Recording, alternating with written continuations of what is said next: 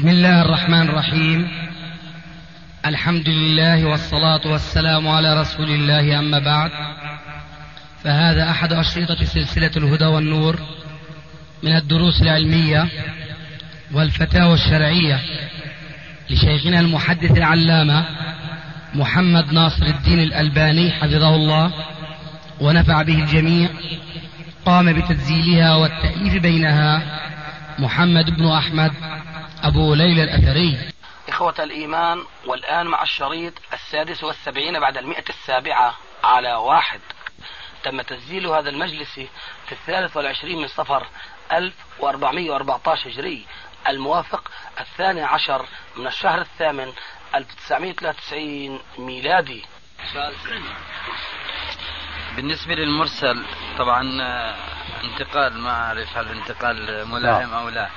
نعم بالنسبة للحديث المرسل شيخنا هل آه، يعني ممكن أن يتقوى بقبول العلماء أو بعمل العلماء به؟ إذا لم يكن هناك خلاف نعم. إذا لم يكن هناك خلاف في المسألة التي تضمنها الحديث المرسل فهو كذلك.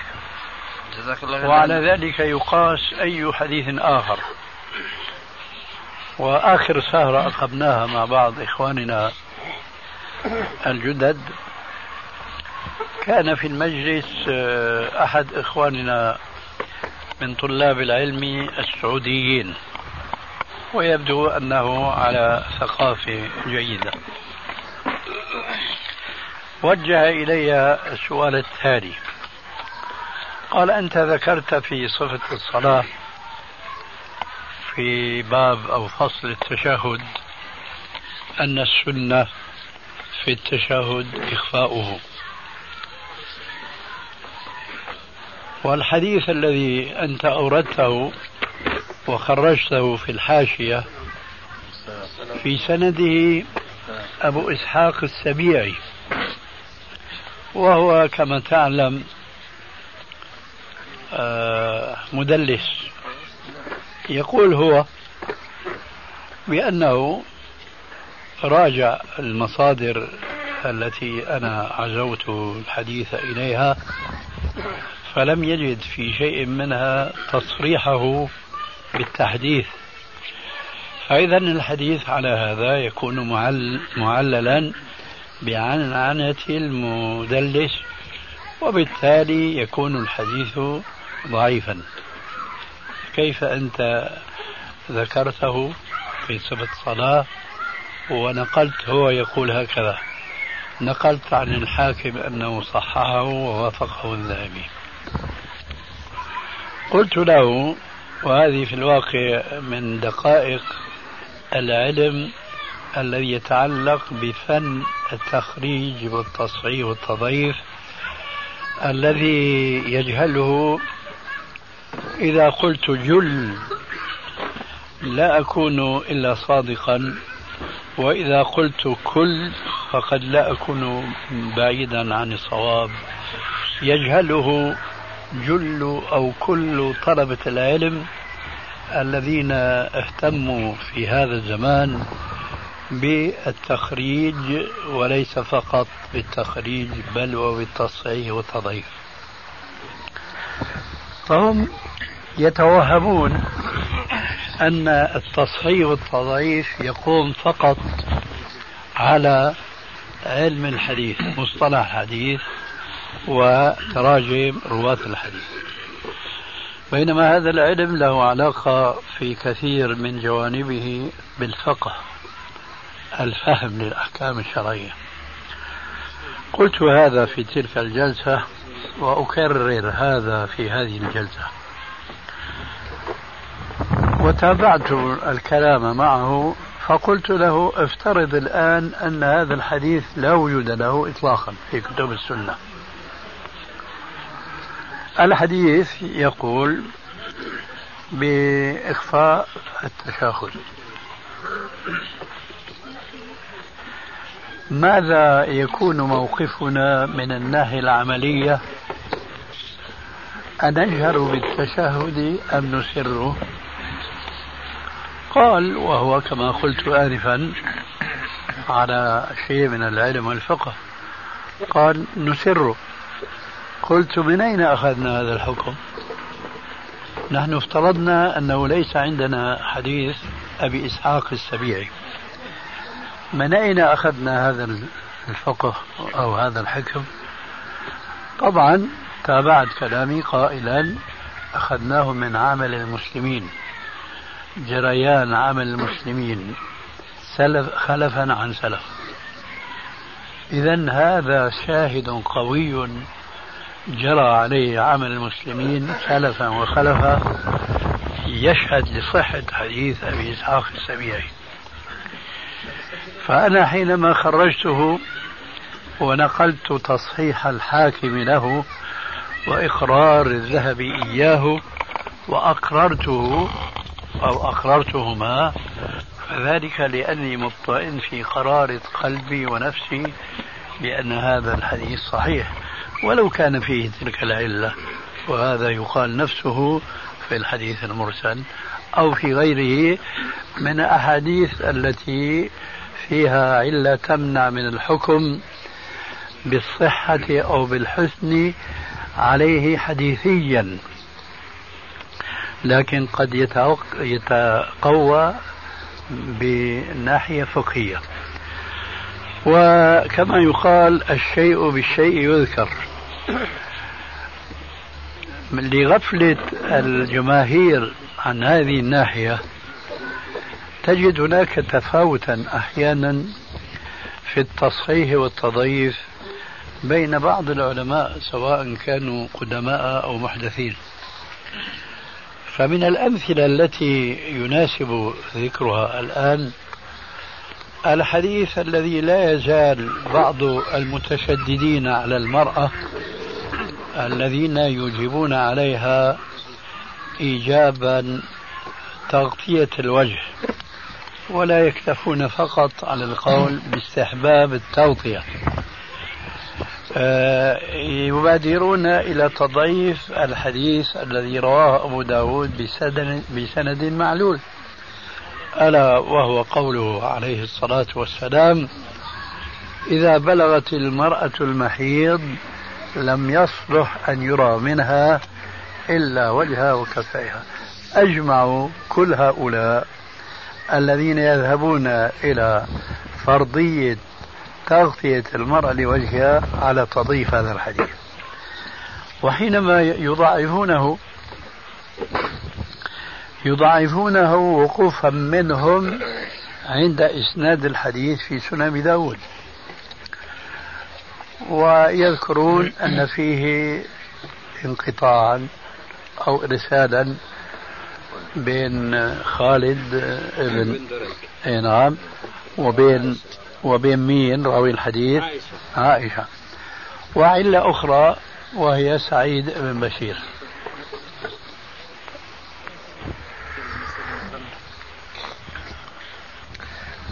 يذكرون هاتين العلتين ويمضون. إذا الحديث ضعيف. ثم يتجاهلون بعض الحقائق العلمية بعضها حديثية وبعضها فقهية دقيقة لا علاقة بالفقه المذكور آنفا. أما الناحية الحديثية فهي تتعلق في أمرين اثنين. الناحية الأولى أن لهذا الحديث شاهدا من حديث أسماء بنت عميس. صحيح أن في إسناد هذا الشاهد آه، عبد الله عبد الله بن لهيعة وهو معروف بأنه ضعيف لسوء حفظه. لكن هذا لا يمنع العالم من الاستشهاد به. فهم يتجاهلون الاستشهاد بمثل حديث ابن لهيعة ويكتفون أن يقولوا بأنه ضعيف انتهى الأمر. أما أن يتذكروا بأن ضعيفا زائد ضعيف يساوي قويا هذه القاعدة المذكورة في المصطلح والتي أكني عنها أحيانا بقول الشاعر لا تحارب بناظريك فؤادي فضعيفان يغلبان قويا. يتجاهلون هذه الحقيقة ويقولون ابن هي ضعيف طيب. لكن زايد ضعيف زايد ضعيف لا يساوي شدة ضعف لا يساوي حسنا. هذه واحدة. والأخرى يتجاهلون أن سعيد بن بشير الذي روى الحديث بالانقطاع المشار إليه آنفا قد توبع من رجل ثقة فرواه عن شيخه قتادة قال قال رسول الله صلى الله عليه وآله وسلم وذكر الحديث لو ضربنا صفحا عن الحديثين السابقين ذكرهما ووقفنا عند حديث قتادة مرسلا لقلنا هذا حديث مرسل صحيح الإسناد. وصلنا إلى سؤالك فهل هذا الحديث المرسل يتقوى بأمور أخرى منها؟ حديث سعيد بن بشير الذي رواه مسندا. صح نحن ما نحتاج به. منها حديث ابن لهيعة الذي رواه مسندا من طريق أخرى. يأتي أخيرا آه، مدعمات أخرى وهي أنه قد عمل بل أفتى بالحديث ترجمان القرآن عبد الله بن عباس. و أزهد الصحابة وأعبدهم وهو عبد الله بن عمر بن الخطاب. كلاهما قال بأن قرص وجه المرأة ليس بعورة. ضربوا صفحا عن كل هذه القضايا وعن جريان عمل المسلمين وهذا آخر ما يقال بجواز الكشف حتى من بعض علماء الحنابلة وعلى رأسهم وعليكم السلام ورحمة الله وبركاته. ابن مفلح الحنبلي الذي شهد له ابن تيمية رحمه الله شهادة عظيمة جدا فقال أنت مفلح. سئل عن وجه المرأة إذا خرجت في الطريق هل يجوز لها أن تخرج سافرة؟ ذكر الخلاف بين علماء المسلمين. وقال بأنه يجوز وهذا ذكرته أنا مفصلا في مقدمة جلباب المرأة المسلمة. فقصدي مثل هذا الحديث إذا وقفنا عند رواية أبي داود فقط يبقى ضعيفا. لكننا إذا نظرنا إلى تلك الشواهد وإلى إفتاء بعض كبار الصحابة ودون أن يعرف أي مخالف لهما ثم استمرار عمل المسلمين خاصة في الحج على هذا الحكم كل ذلك مما يجعل الباحث يقطع بصحة قوله عليه السلام إذا بلغت المرأة المحيض لم يصلح أن يرى منها إلا وجهها وكفيها. ومن العجائب أن الإمام الشافعي قد صرح بأن الحديث المرسل إذا جاء مسندا من طريق أخرى ولو كان ضعيفا فيرتقي الحديث المرسل إلى مرتبة الحجة. هذا أيضا تغافلوه. فشاهد أريد أن أقول أن علم الحديث لا يستغني عن علم الفقه كما أن علم الفقه لا يستغني عن علم الحديث بل هما أخوان متعاونان. كثيرا ما نسمعكم في في أشرطتكم. تنكرون قاعدة الغاية تبرر الوسيلة وتبينون أنها قاعدة كافرة. لكن قد جاء في السنة حديث كأنه يدل على مشروعية هذه القاعدة أو على, الأقل في بعض النواحي في بعض الحالات. وهو قوله صلى الله عليه وسلم ليس الكذاب بالذي يصلح بين الناس فيقول خيرا أو ينمي خيرا. والحديث في صحيح الجامع. أي نعم. فكيف نفهم هذا الحديث؟ جزاكم الله خيرا. هذا الحديث لا يتعدى ما تضمنه من الفقه ولا يؤيد القاعدة الصهيونية. الغاية تبرر الوسيلة؟ يعني مهما كانت الوسيلة مخالفة للشرع. لأن الذين وضعوا هذه القاعدة لم يضعوها مراعين مثل هذا الحديث. فالآن نحن نقف معك عند هذا الحديث. هل يبيح الحديث للمسلم أن يكذب متى ما بدت له مصلحة في كذبه؟ يبيح له فقط لا تفقيط هنا. سين جيم. كما سألت نعم بارك الله أجيب عليك أنت أيضا أن تجيب إذا سئلت. لا يبيح الكذب فإذا وين القاعدة؟ وين الحديث؟ لكن الكذب محرم شرعا. أنا أعرف بارك الله فيك. أنت لا تقل الآن الليل منار لأننا نرى النور. نعم. الكذب محرم. لماذا تعود إلى الحديث؟ أنا أقول هذا الكذب المحرم. هل يستحل بالقاعدة التي أنت زعمت أنها مؤيدة بهذا الحديث أم لا؟ لا. بالقاعدة بالقاعدة مش بالحديث. القاعدة الغاية تبرر الوسيلة ألا تؤيد الكذب عند كل مصلحة؟ نعم تؤيد. الحديث يؤيد ذلك؟ لا. فاختلف إذا بارك الله فيك. شيخنا بارك الله فيك. بالنسبة للحديث النبوي متى يعني يكتفي متى يكتفي مخرج الحديث أو متى يكتفي الذي يريد أن يخرج الحديث بطرقه؟ فيقول هذا ضعيف ويكتفي مثلا ولا يبحث عن بقية المصادر حتى يرى إن كان هناك طرق أخرى أم لا.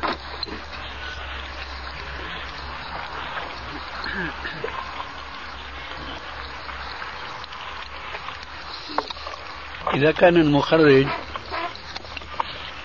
يريد أن يبني حكما شرعيا على الحديث فوقف على طريقه الضعيف ثم بنى عليه الحكم الشرعي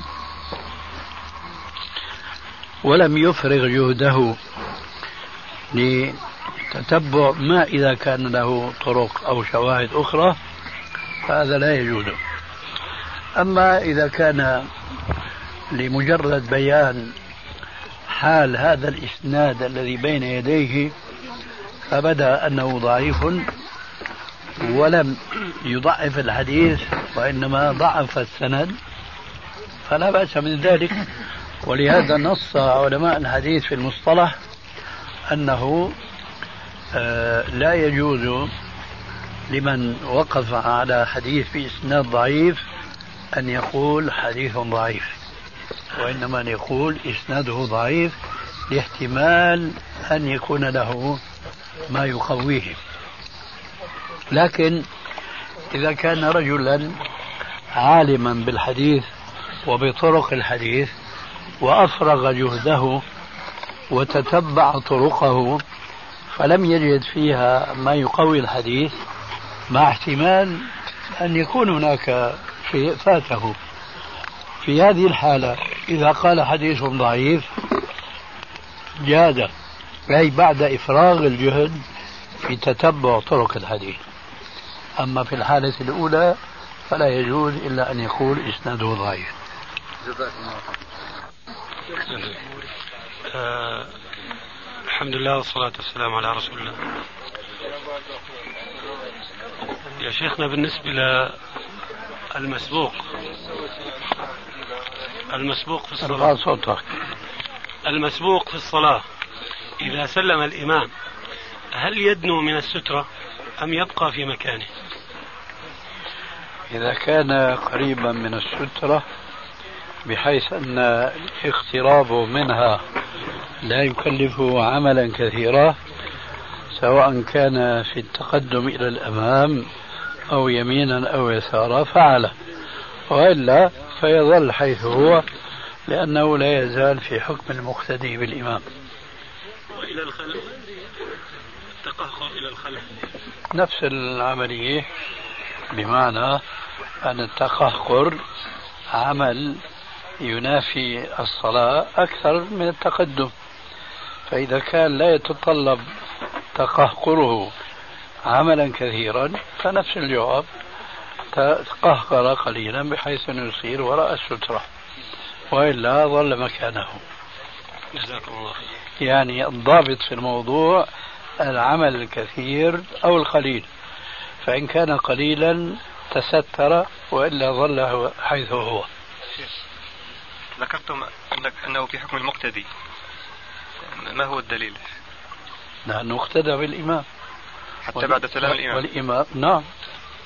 إذا إذا إذا مر أحد الناس من أمامه فلا يقطع عليه الصلاة.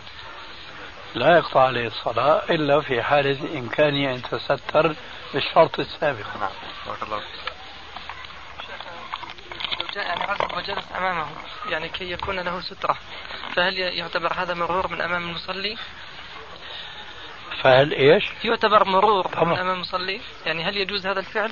بينه بين المصلي وبين الجالس ال- المرور ولا- أمامه سترة ما في سترة أمامه انتهت الصلاة فجاء رجل يت... لكي يكون سترة لهذا الرجل هذا ما مر فعل هذا؟ هذا الذي جلس نعم ليكون له سترة هذا لا يعتبر أنه مرة نعم هذا أمر طيب من باب التعاون على الخير. آه، جاء في فتاوى ابن تيمية رحمه الله أنه قال يحرم على الرجل الضرب بالكف آه، يحرم على الرجل ماذا؟ آه، الضرب بالدف وبالكف وبالقضيب. فمن أين دليل هذه المسألة؟ بارك الله فيك.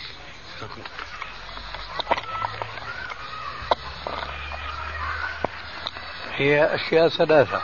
أولها الضرب بالدف طيب هذا يحتاج إلى دليل. والكف يحتاج إلى دليل واحدة واحدة نعم. أقول هي ثلاث أشياء. الدف. الضرب الدف الدف يحتاج إلى لا دليل. يحتاج إلى دليل. الثاني. الكف. الكف. نعم التصفيق. المقصود فيه التصفيق. نعم. إيه هذا دليل من القرآن. نعم. وما كان صلاتهم عند البيت إلا مكاء وتصدية. نعم. التصدية هو التصفيق نعم لكن التصفيق هذا اللي يكون في بعض الأعراس من الرجال يصفقون بأيديهم دون مرافقة دف أو موسيقى فما حكمه يكون تابع للنهي في هذه الآية؟ يعني هل هو تشبه بعبادة هؤلاء الكفار؟ يا أخي سبق الجواب لكن أنت لماذا قلت بدون دف هل في الآية في دف لا ما أقصد هذا. نعم. ما أقصد أنه الآية جاء فيها الدف لكن أنا أقصد مزيد تبيان يعني. أن الرجل يصفق في العرس فهل هذا محرم عليه؟ هذا سبق الجواب بهذه الآية. نعم. جزاك الله. وإياه. بقي إيش؟ بقي الثالث. القضيب لا أعرفه. القضيب هو أشبه بقضيب الموسيقار. اللي بيعطي إشارة؟ آه، وربما يصحبه شيء من الضرب على الدف. بطرق متوازنة. جزاكم الله خير. لا الطبل مفهوم هذا. بالعصية يعني نغم بالعصية. نعم. هذا كان في الزمن الأول يعني الضرب القضيب هو من اللهو المحرم غيره. فقد رأيت ونحن في إقبالنا على الصلاة رأيت أحد الإخوة الكبار يؤخر صبيا أو غلاما ويقدم أخا كبيرا فما حكم الشرع في ذلك؟ له الجواب له صلة ببعض الأجوبة المتقدمة هناك حديث في سنن أبي داود أن النبي صلى الله عليه وسلم كان إذا قام يصلي قدم الرجال ثم الصبيان من خلفهم ثم النساء. لكن هذا الحديث في إسناده شهر بن حوشب وهذا رجل فيه ضعف من قبل حفظه. لكن السنة العملية التي جرى عليها المسلمون تطابق هذا الحديث الضعيف إسناده. ثم لا نعدم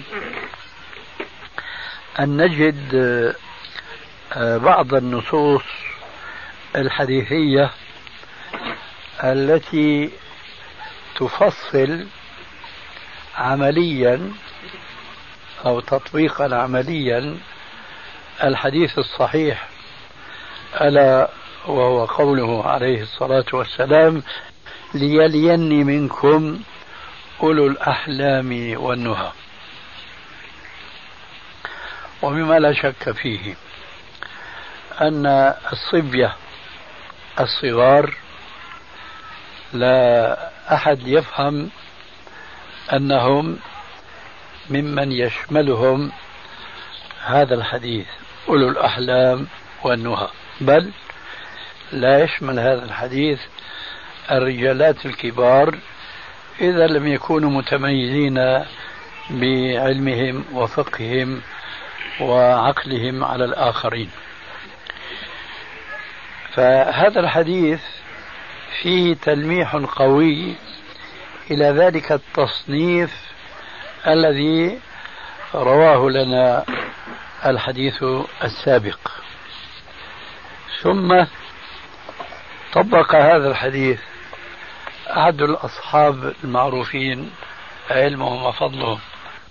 أعني به أبي بن كعب رضي الله عنه حيث أقيمت الصلاة يوما فتقدم إلى الصف الأول وأخر آه، صبيا كان هناك أو غلاما. لم أعد أذكر اللفظ تماما. أخره ونصب نفسه مكانه. وبعد الصلاة التفت إلى هذا الغلام وكأنه يقدم إليه عذرا عما فعل معه. وروى له هذا الحديث أن النبي صلى الله عليه وآله وسلم كان يقول ليليني منكم أولو الأحلام والنهى. فيقول للغلام أنت لست من هؤلاء وأنا فعلت ما فعلت ائتمارا بحديث رسول الله صلى الله عليه وآله وسلم. فهذا هو جواب السؤال. هل كان رأي فضيلتكم يخالف هذا سابقا؟ لا أذكر أنه اختلف رأيي ولكن الخط سهل. نحن كما يقولون في سوريا أولاد اليوم. هذا علمنا في هذه الساعة. قد يختلف ما بين ساعة وأخرى والمسلم لا يجمد وإنما هو يتغير ويتبدل. قد يكون طالحا فيصير صالحا وقد يكون صالحا فيصير طالحا المهم أن يتغير إلى خير. أما ماذا كان فما يهمنا؟ وكما جعل عمر الخطاب أنه سئل عن مسألة إرث. فسئل فقيل له أنت في العام القابل كان جوابك غير هذا. قال ذاك على ما قلنا وهذا على ما نقول الآن. جزاك الله خير. تتمنا الفائدة إن شاء الله. هل نجعل الصبيان في صف منفصل الآن؟ وإن لم يكتمل الصف الأول؟ لا. يمكن هذا الذي أنت الآن اشتبه عليك الأمر. أنا أقول إذا كان هناك مسجد عريض خاصة في مثل صلاة الفجر أو صلاة العشاء. عريض خاصة في مثل صلاة الفجر. أو صلاة العشاء. هذه الصلاة وتلك التي هي أثقل الصلاة على المنافقين. لا يكتمل الصف الأول عادة. فجاء بعض الصبية واصطفوا في الصف الأول. ما نؤخرهم لأنه في هذه الحالة لا يبعدون الرجال عن منزلتهم وهو الصف الأول. أما إذا كان في هناك صفوف فيؤخرون. هذا كان ولا يزال هو رأيي. بالنسبة لأهل الحسبة هل لهم أن يراقبوا إذا شكوا في بعض البيوت أن هذه البيوت تستغل في إباحة بعض الأعراض وهتك بعض الأعراض وإلى آخره هل يجوز لهم مراقبة مثل هذه البيوت ووضع الأعين عليها؟ المراقبة من الخارج يجوز أما التجسس لا يجوز. جزاكم الله خير. والله أستاذ حصلت مشكلة في فترة قريبة في الحي عندنا. إنه أحد ال يعني حتى من الذين يعتادوا صلاة الفجر ساكن سكن مؤقت في المنطقة. اشتبه أو خلينا نقول رأى إحدى النساء دخلت دكان. فهو بطبيعة حاله كان رايح على الدكان نفسها فوجدها مغلقة الدكان. فدق الباب الباب زجاجي وله ستارة. الدكاني قال الدكانجي قال له إنه أنا عم بعمل جرد فأرجع بعدين يعني. حتى افتكروا عامل مصري فقال له بلهجة مصرية قال له نعمل جرد وأرجع بعد ساعة. فهو ضل جالس باب الدكان ومعاه آه، واحد تاني. حتى يعني بعد ساعة زمان تم فتح الباب ووجدوا المرأة معاها شوية أغراض كأنها بتشتري أغراض يعني من عنده. فهو ابتدى بيقول لها أنت ما بتخجلي ما بتستحي. فقالت له جوابها كان برضو وقح. أنت ما إلك وحملت حالها وطلعت. وهو اشتبك هو والدكنجي بالكلام وبال ال... هو حاول إنه يعرف مين هاي المرأة في المنطقة. واستطاع إنه يعرف. فطلب إنه يقابل وعرف أنها حتى متزوجة. فطلب يقابل زوجها. فوقف أمام الباب بيسأل مين هل الرجل صاحب البيت موجود؟ بيسأل أحد الأولاد فقال له هيو جاي. فعلا إجا بسيارة فقال له والله إحنا بدنا إياك في موضوع خاص فلو سمحت تلاقينا في بيت فلان. آه، بهاي الفترة حصلت نوع من المشادة انه إنه المرأة كأنها اشتبهت فنزلت وابتدت تصرخ على زوجها لا تسمع من هذول جماعة حرامية بدهم يسرقوا البيت. وصارت مشكلة وإجوا عنا. كأنهم التمسوا الوالد وإحنا وبدوا يشرحوا الوضع تاعهم. والزوج ابتدى يشكو على الجماعة هذوك بأنهم آه، آه، قذفوا يتهمون. يتهمون وبيقذفوا محصنة.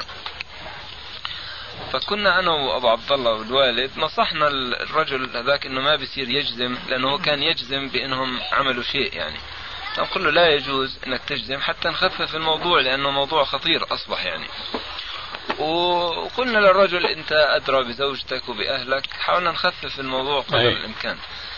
آه، وقنع منا الرجل اللي هو شكى أو اشتبه وعمل أثار الضجة قنع منا إنه لازم يعني يخفف كلامه لأنه أصبح الموضوع خطير شوي.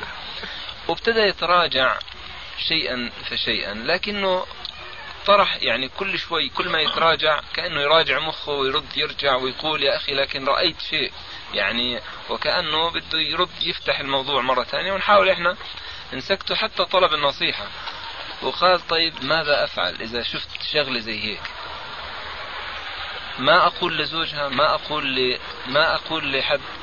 فاحنا نصحناه بإنه يتبع النصيحه اللي هي بهدوء وما في داعي إنه فبقول أكثر من هيك يعني أو أو إيش عليه. لو واحد اشتبه شبهة زي هاي يغلب عليها الظن بإنه فعلا وقع شيء. فهل لا يبالي وي وي ويروح للزوج ويحكي له كل شيء كما كما رأى؟ ولا يخشى من إنه تصير مشكلة وكانت فعلا ممكن إنها تصير مشكلة فيها دم وفيها قتل خاصة إنه من عائلات يعني في المنطقة. فشو رأيك في موضوع زي هيك؟ يعني لو واحد أحدنا اشتبه ورأى كما رأى أخونا هذا. في رأيي هو محاولة الجمع بين جلب المصلحة ودفع المفسدة. أرى من المصلحة أنه لا يجوز آه، كتمان ما رأى ذلك الرأي الذي أغلق المحل في وجهه بعد أن رأى المرأة دخلت إليه. لا أرى أنه من مصلحة الزوج أن يكتم عنه هذا الذي رآه ذلك الرجل. لكن درءا للمفسدة التي دندنت حولها آه، كان ينبغي أن لا يبلغه بشخصه وجها لوجه دفعا للمفسدة وإنما يكتب تنبيه وتحذير من أن تتورط هذه المرأة وتقع في الفاحشة لأني رأيتها دخلت دكان الفلانية وأنا قادم إليها وأغلق الباب وانتظرت إلى بعد ربع ساعة نص ساعة على حسب ما هو يدعي حتى خرجت. طبعا من الناحية الشرعية لا يستطيع أن يقذفها ولا يجوز له أن يتهمها في عرضها. آه، لأنكم تعرفون الحكم الشرعي. أنه لا يثبت إلا بأربعة شهود وبالرؤية الجلية الواضحة البينة. وهنا لا شيء إلا من وراء جدار فقد فقد يكون وقع وقد يكون لم يقع. فإذا هو يحكي الشيء الذي رآه ولا يقول هناك زنا لكن يكتفي أن يحكي ما رأى. ثم ليس ذلك مباشرة لأنه الزمن فاسد اليوم ويتهم البريء ويبرأ المتهم. فهذا الذي أراه يعني الجمع بين المصلحة ودفع المفسدة. الأصل هو أن يصوم المسلمون جميعا. إذا ليس حديث الصوم يوم تصومون والفطر يوم تفطرون والأضحى يوم تضحون. ليس ليس بدليل. هذا دليل لصيام المسلمين كلهم جميعا. لأن بعض إخواننا يستدل بهذا الحديث على على ما ذهبتم إليه. لا. لكن شيخ نحن بس من باب دفع المفسدة الكبرى بالصغرى وإلا الأصل أن يصوم المسلمون كلهم لا. أهل الغرب يصومون برؤية أهل الشرق والعكس إن صح فالمسلمون جميعا يصومون صوما واحدا لكن الذي يقع لا. الله يهديك آه. لكن الذي يقع هو أن المسلمين متفرقون في صيامهم كما هم متفرقون في كل شيء. فإذا صام أهل بلد أو إقليم قبل إقليم آخر والإقليم الآخر أراد أن يتمسك بأصل الحكم صوموا لرؤيته وأفطروا لرؤيته فسينقسم البلد الواحد إلى قسمين. ما يكفينا نحن انقسام الدول بعضهم على بعض. فلا نريد, أن نزيد في الفرقة فرقة. وهو أهل البلد بل أهل البيت الواحد يصبح فيهم صائم ويصبح فيهم مفطر. هذا شيء تأباه الشريعة. ولذلك فقاعدة دفع المفسدة الكبرى بالصورة هي التي أوحت إلينا أن نقول بما سمعت. وليس هناك دليل خاص الدليل الخاص هو أن المسلمين جميعا يصومون صوما واحدا. ولو أن آه، إقليم يتأخر عن إقليم ساعة ساعتين ثلاثة أربع كلما اختلفت بعد المسافة مشتدة كلما اشتدت مسافة التأخر. لكن يصومون على رؤية أي بلد كان. تعلمون أن التأمين إلزامي ضد الغير على الآليات. فالآن إذا أصيب أو إذا أصاب أحد السائقين آه، شخصا آخر بأذى بسيارته. هل يأخذ مما تدفع شركات التأمين شيئا؟ لصالحه ما يأخذ. لصالح غيره. لصالحه بحيث أنه يستفيد لنفسه ما يأخذ. فإن خرج له بحكم هذا النظام من التأمين فهو كالمال الذي كان أودعه في البنك وأعطوه ما يسمونه بالفائدة.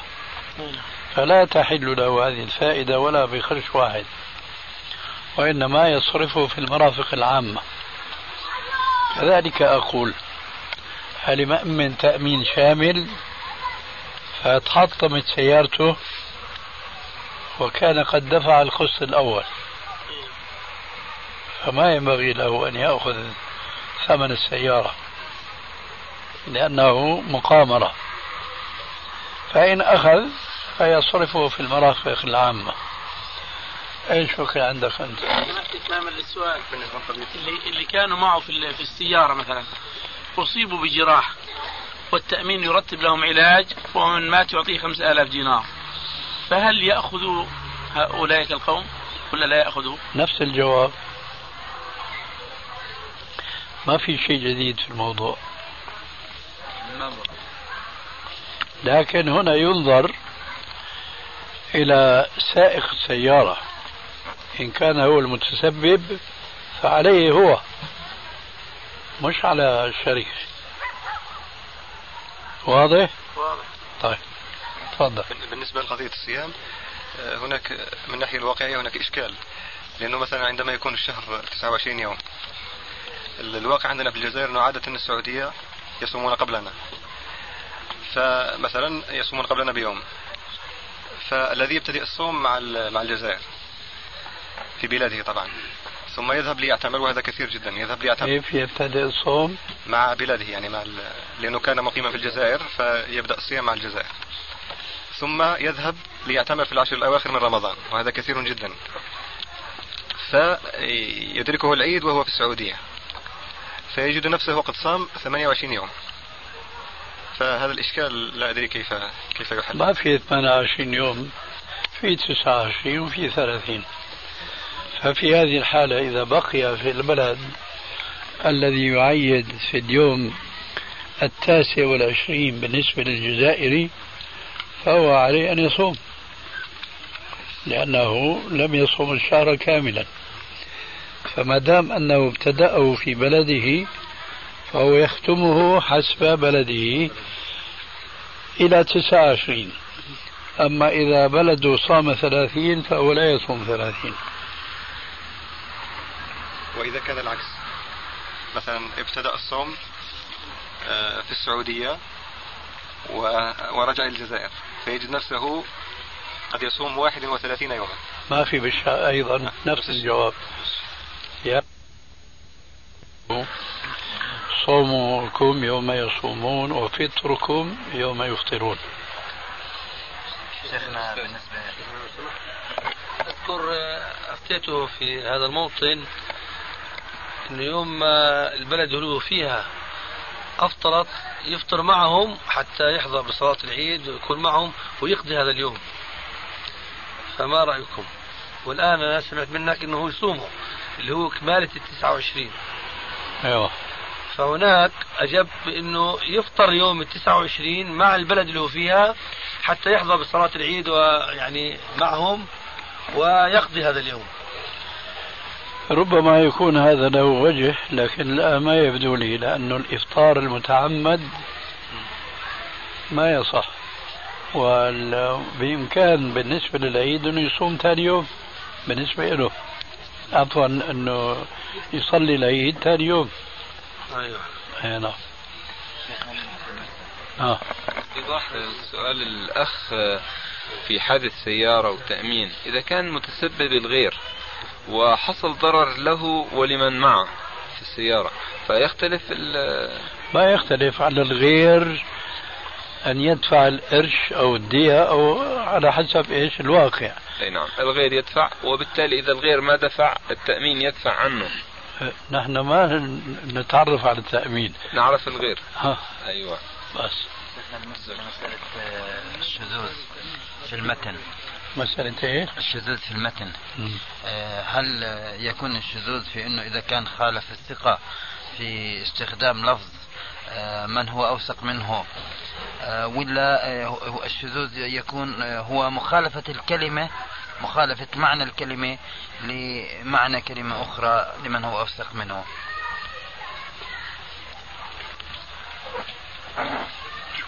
واضح يعني شيخنا مثل حديث آه، الإشارة بالسبابة. ورد في لفظ آه، كان يشير بها. وهذا اللفظ آه، قد ورد في يعني موافقة كثير من الحفاظ وورد بلفظ آخر كان يحركها. فهل هذه تعد من الشذوذ؟ بما أنه انفرد هناك بلفظ يحركها. وهنا اتفق أو شبه اتفاق بين الحفاظ يشير بها. فهل هذا يعد شذوذ بالنسبة للفظة يحركها؟ لا ليس شذوذا لأنه يشير لا يخالف يحرك لو. لو كان الرواة للحديث الذي ينتهي إلى صحابي واحد الرواة رووا لا يحركها وروى الثقة يحركها هنا يقال هذا شاذ أما أن يروي الرواة الثقات لفظة لا تنافي رواية الثقة المصرح بمعنى هذا المعنى يوجد ضمنا في رواية الجماعة ولا يوجد في روايتهم ما يخالف رواية الثقة. هذا لا يعتبر شذوذا. جزاك الله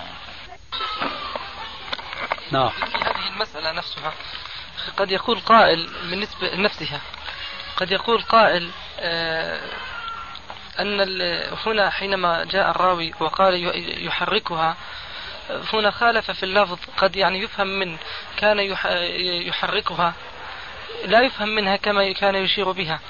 يعني أن كأنه زاد معنى آخر لم يفهم من تلك الرواية.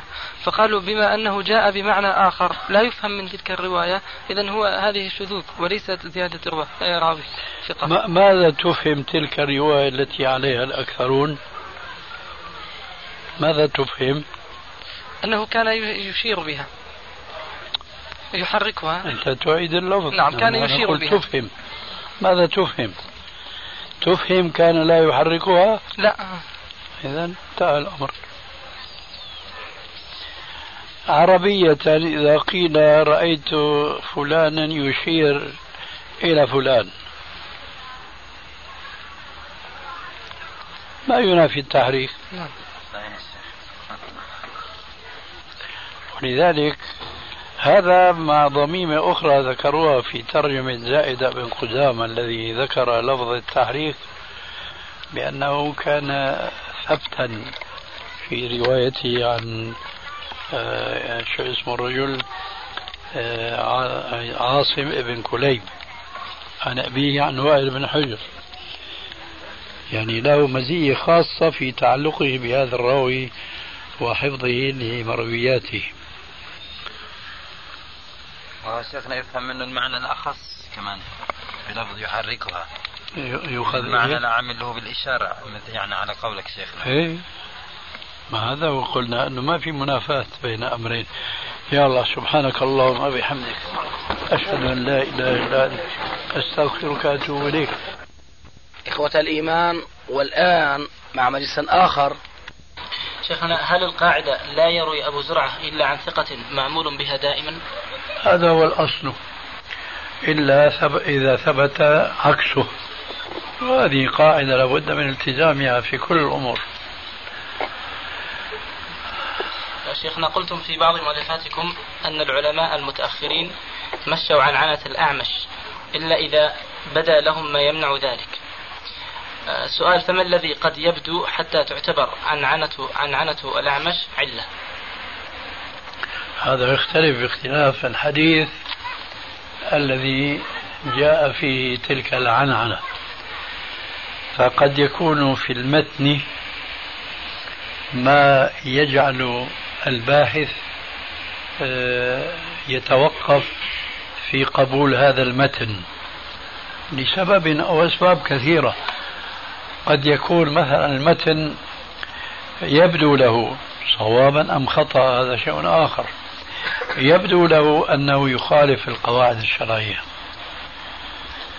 فلا يجد سبيلا للتوفيق بين هذا المتن وبين تلك القواعد التي هو ألم بها واستقر فقهه عليها. لا يجوز سبيلا للتوفيق بين ذلك المتن وتلك القواعد. هنا يضطر للبحث عن علة كمينة في أسن في سند ذاك المتن. فلا يجد هناك إلا العنعنة.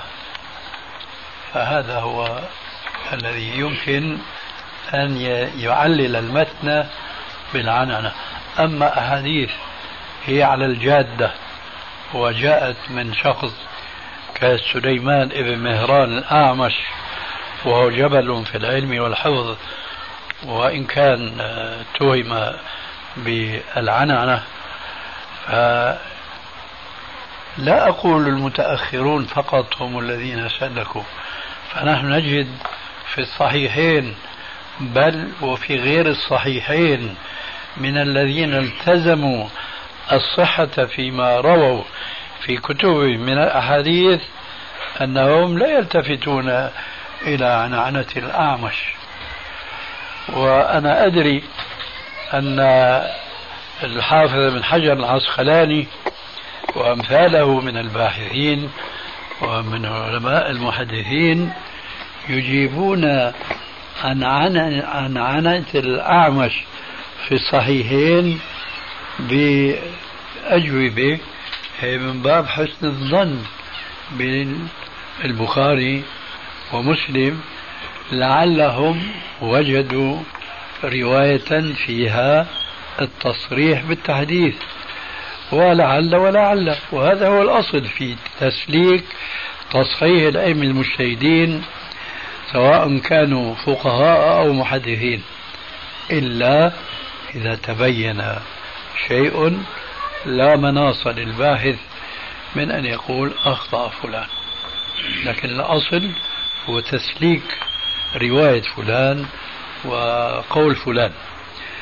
فحينما نجد علماء الحديث يسلكون عن عن الأعمش مثلا وغيره فنحن نقول أن هذا هو عملهم حينما لا يجدون في المتن ما يضطرهم إلى البحث عن علة خفية. على هذا نحن اتبعناهم في هذا السبيل فلا أضعف حديثا فيه عن عنة الأعمش إلا إذا تبين لي أن في المتن شيء من النكارة ولا سبيل لي إلى إعلال ذلك المتن إلا بالعنعنة حين ذاك أتشبث بها. شيخ ما رأيكم بالحكم على حديث سنده ضعيف؟ بالصحة أو الحسن بحجة الواقع يشهد الحديث ويقويه بحجة؟ أن الواقع يشهد لهذا الحديث ويقويه لا ما نرى هذا. لأن كثيرا من الأحاديث آه، يمكن أن تكون قد صدرت من بعض العلماء آه، كياسة أو فراسة منهم. والأصل أنه لا ينبغي أن ينسب إلى النبي صلى الله عليه وآله وسلم إلا ما ثبت بطريقة أهل الحديث أنه قاله وليس لمجرد صحة معناه. فنحن نعلم أن أتباع الرسول صلى الله عليه وآله وسلم يلهمون النطق بالحكم وبالعلم الصحيح. فإذا أخطأ راو ما فنسب حكمة من تلك الحكم إلى رسول الله صلى الله عليه وآله وسلم حتى ولو كانت مطابقة لما سيأتي من المستقبل فيمكن أن يكون هذا فراسة منهم. ولم يتكلم الرسول عليه السلام بذلك ولهذا لا يصح تصحيح الحديث الذي لم يصح نسبته إلى النبي صلى الله عليه وآله وسلم لأنه شهد له الواقع. لأن هذا الواقع يمكن أن يتنبأ به بعض العقلاء بعض الأذكياء أو بعض العلماء. هذا جوابي عن هذا السؤال. شيخنا هل هناك سوى العبادلة عن ابن لهيعة من تقبل بهم روايته كما في ميزان ذكر الذهبي عبد الله القعنبي فهل هناك سوى الثلاثة العبادلة؟ إيه نعم جماعة آخرين. الآن لا يحضرني منهم سوى قتيبة بن سعيد المصري.